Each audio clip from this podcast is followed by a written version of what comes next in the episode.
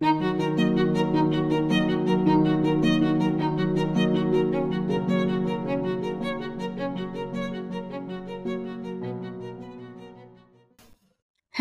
witajcie w podcaście Skrótu Sejmowego. 37. posiedzenie Sejmu odbyło się w dniach 15-17 września 2021 roku. Podczas obrad podniesiono wiele istotnych kwestii, a my jak zawsze przygotowaliśmy dla Was skrót z tych najciekawszych i najważniejszych. Zapraszamy do posłuchania na temat projektu dotyczącego przeciwdziałania korupcji. Jakie zmiany wprowadzono w programie 500, kwestii ochrony dla cudzoziemców, projektu zaostrzenia zakazu handlu w niedzielę, liberalizacji prawa budowlanego, kwestii podwyżek dla polityków. Dowiemy się też, jak brzmiała informacja szefa NIK dotycząca wyborów kopertowych. Zacznijmy od kwestii ustawy przeciwdziałającej korupcji. Ustawa zaproponowana przez Kukiz 15 ma wprowadzić zmiany dotyczące zaostrzenia konsekwencji popełnienia przestępstw korupcyjnych, a także wyeliminowania potencjalnych obszarów konfliktów interesów dotyczących osób publicznych, tzw. Tak jawność życia publicznego. Do najważniejszych założeń należą poszerzenie katalogu przestępstw karanych, m.in. obligatoryjną utratą pracy lub dożywotnim zakazem pracy w instytucjach publicznych w przypadku recydywy. Zakaz zasiadania w spółkach, w których skarb państwa lub jednostka samorządu terytorialnego posiada minimum 10% akcji lub udziałów dla wójta, burmistrza, prezydenta i parlamentarzysty. Zakaz ubiegania się o pieniądze publiczne z przetargów przez osoby skazane za korupcję. Możliwość pozbawienia przez sąd praw publicznych osoby skazaną obowiązek prowadzenia, aktualizacji i zamieszczenia w BIP rejestru zawieranych umów przez samorządy i rejestru wpłat i umów przez partie. Agnieszka Ścigaj z Koła Poselskiego Polskie Sprawy mówi Ktoś, kto był skazany za korupcję w normalnej kulturze demokratycznej, nie powinien być w życiu publicznym. Niestety długo to trwało, aż ta ustawa została procedowana. Nie ma nic złego w tym, że parlamentarzysta pracuje, na przykład w ośrodku pomocy społecznej. Natomiast czemu większość parlamentarzystów zajmuje stołki w postaci sekretarzy stanu i ministrów? To nie powinno być łączone. To powinien być podstawowy postulat antykorupcyjny. Jan Szopiński z Lewicy zadaje pytanie. Dlaczego wprowadzono limit 10% udziału Skarbu Państwa w spółkach, w których nie może pracować poseł czy senator? W obecnym systemie przenikania form własności spółek limit ten powinien być ograniczony do zera. Janusz Kowalski z Prawa i Sprawiedliwości. Pawłowi Kukizowi i Jarosławowi Sachajko należą się wielkie brawa i uznania szacunku. W końcu mamy ustawę, która wprost odpowiada na zapotrzebowanie społeczne. Wszystkie poprawki zgłoszone przez opozycję zostały odrzucone. Natomiast w głosowaniu nad projektem wzięło udział 445 posłów. 286 było za przyjęciem ustawy, jedna przeciw, a 158 osób wstrzymało się od głosu. Ustawa została uchwalona i przekazana prezydentowi i marszałkowi Senatu. Wejdzie w życie 1 stycznia 2022 roku, ale nie obejmie parlamentarzystów obecnej kadencji. Kolejno skupimy się na zmianach w programie 500. Projekt wprowadza zmiany w przyznawaniu świadczeń rodzinnych i usprawnienia procesu przyznawania ich. Dotyczy on powierzenia obsługi programu Rodzina 500 Zakładowi Ubezpieczeń Społecznych.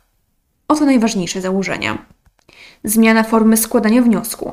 Możliwość jedynie przez internet.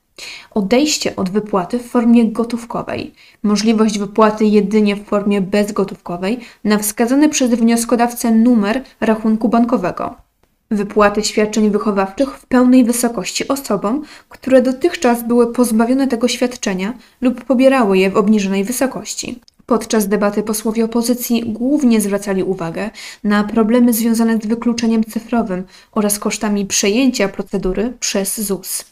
Iwona Kozłowska z Koalicji Obywatelskiej mówi: Przecież to samorządy zrekrutowały, przeszkoliły te tysiące osób, które na terenie całego kraju zajmują się obsługą tego programu. To gminy poniosły ogromne koszty organizacyjne i wdrożeniowe związane z jego realizacją. Odebranie gminom obsługi programu obniży ich zdolność do zadłużania się, a to będzie równać się uszczupleniem możliwości realizacji planów inwestycyjnych. Joanna Mucha z Polska 2050 wskazuje, My jesteśmy za cyfryzacją. My jesteśmy za tym, aby upowszechniać obrót bezgotówkowy, ale nie w ten sposób. 12 tysięcy, 10 tysięcy osób do zwolnienia od prawy trzynastki, których zapewne nie będzie.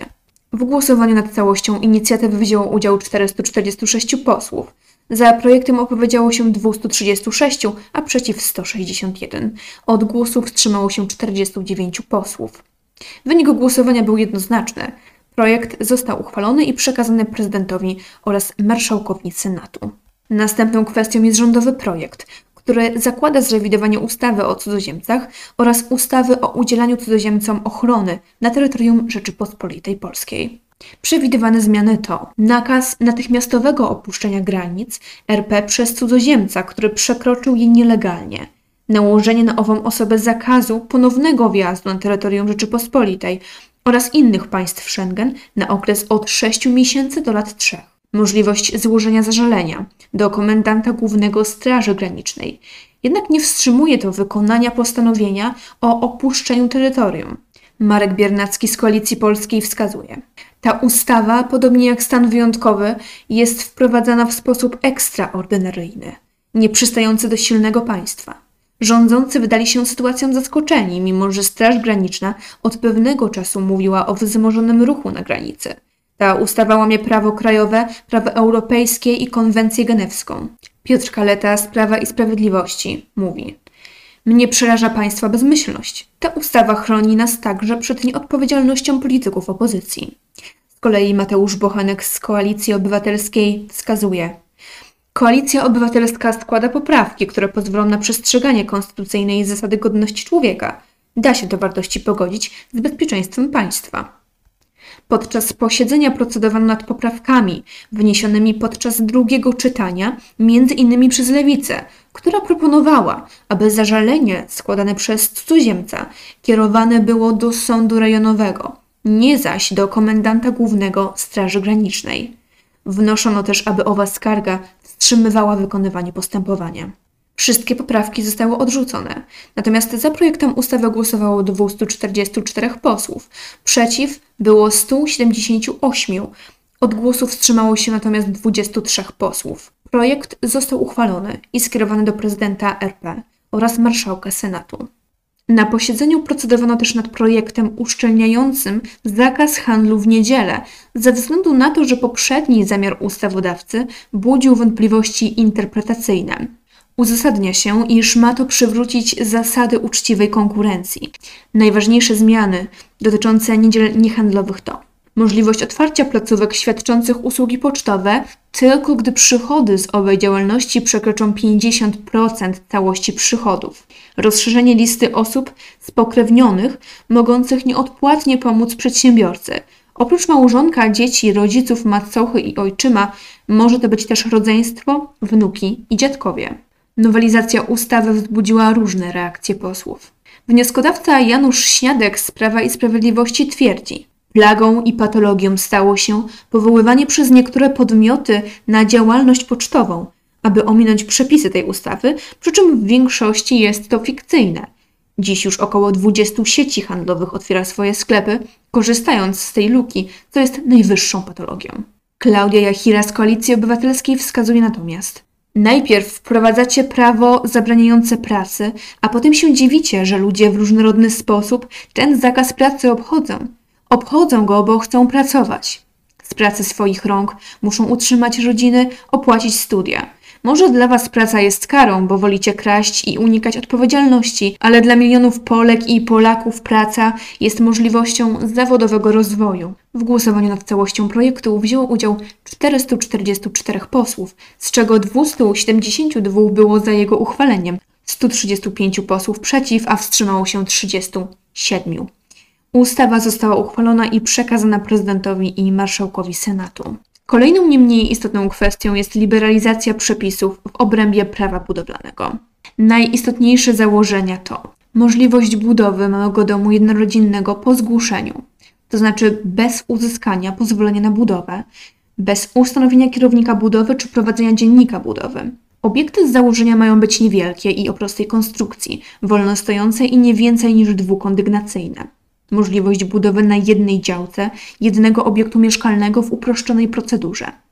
Wydawanie decyzji o warunkach zabudowy dla domów o powierzchni 70 m2 w przeciągu 21 dni, jeśli na danym terenie nie będzie planu zagospodarowania przestrzennego. Konieczność dołączania do zgłoszenia oświadczenia przez inwestora, w którym zapewni, że planowana budowa prowadzona jest w celu zaspokojenia własnych potrzeb mieszkaniowych. Daria Gosek-Popiołek z Lewicy wskazuje. Ta ustawa to przepis na katastrofę i naprawdę mamienie romantyczną wizją młodego małżeństwa, które siedzi w swoim domku, nie powinno nas tutaj zwieść, bo zapytajmy, jak ci ludzie dojadą do tego domu? Kto wybuduje im drogę i jak długo dojeżdżać będą do najbliższej szkoły, przedszkola swojej pracy? Jakie będą koszty tej całej infrastruktury? Dobromir Sośnierz z Konfederacji mówi: Nie podobają Wam się domy budowane bez zezwolenia? Nie mieszkajcie w nich, nie budujcie ich, nie kupujcie ich, nie patrzcie w ogóle na nie. Będzie spokój. Nowela prawa budowlanego została przyjęta przez Sejm większością 248 głosów. Teraz zajmą się nią senatorowie.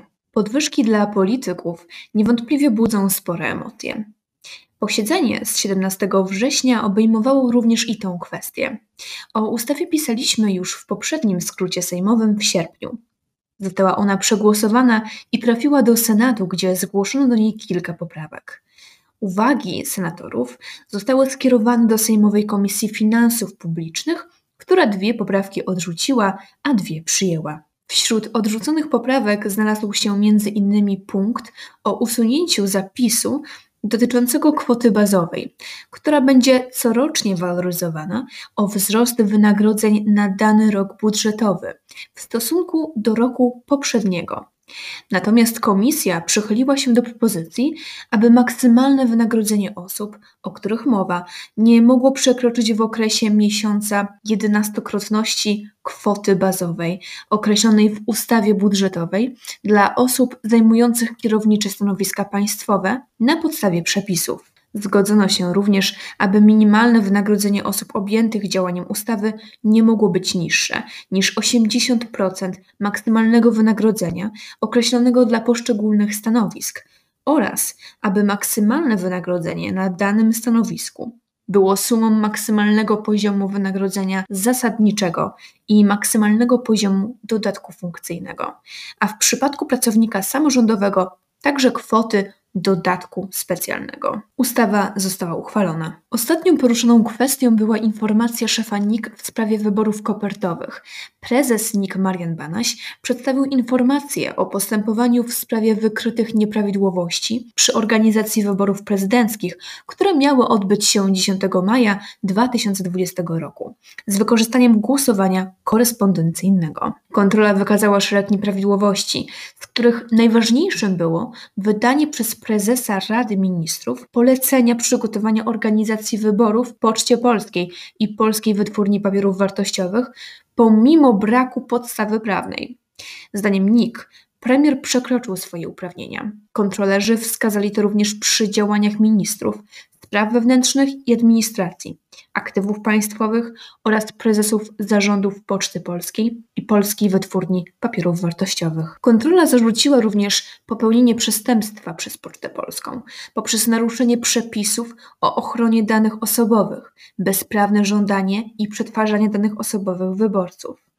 Weryfikacja NIK wykazała, że koszty środków publicznych poniesione na organizację wyborów, które się nie odbyły, wyniosły ponad 76 milionów złotych. NIK złożyła w prokuraturze zawiadomienia o uzasadnionym podejrzeniu popełnienia przestępstw 9 września prokuratura przekazała postanowienia o odmowie wszczęcia śledztwa w sprawie działań Poczty Polskiej i Polskiej Wytwórni Papierów Wartościowych. Prezes Najwyższej Izby Kontroli Marian Banaś stwierdza, Najwyższa Izba Kontroli negatywnie oceniła proces przygotowania wyborów powszechnych prezydenta Rzeczypospolitej Polskiej, zarządzonych na dzień 10 maja 2020 roku z wykorzystaniem głosowania korespondencyjnego. Małgorzata Niemczech z Koalicji Obywatelskiej wskazuje, jeśli rządzący byli wtedy gotowi złamać prawo i je złamali, czy złamią prawo za każdym razem, aby utrzymać się u władzy? To już wszystko w tym odcinku. Nie zapomnijcie zaglądać na nasze media społecznościowe, aby być na bieżąco z najważniejszymi kwestiami społeczno-politycznymi i zapraszamy po więcej przy okazji kolejnego posiedzenia Sejmu.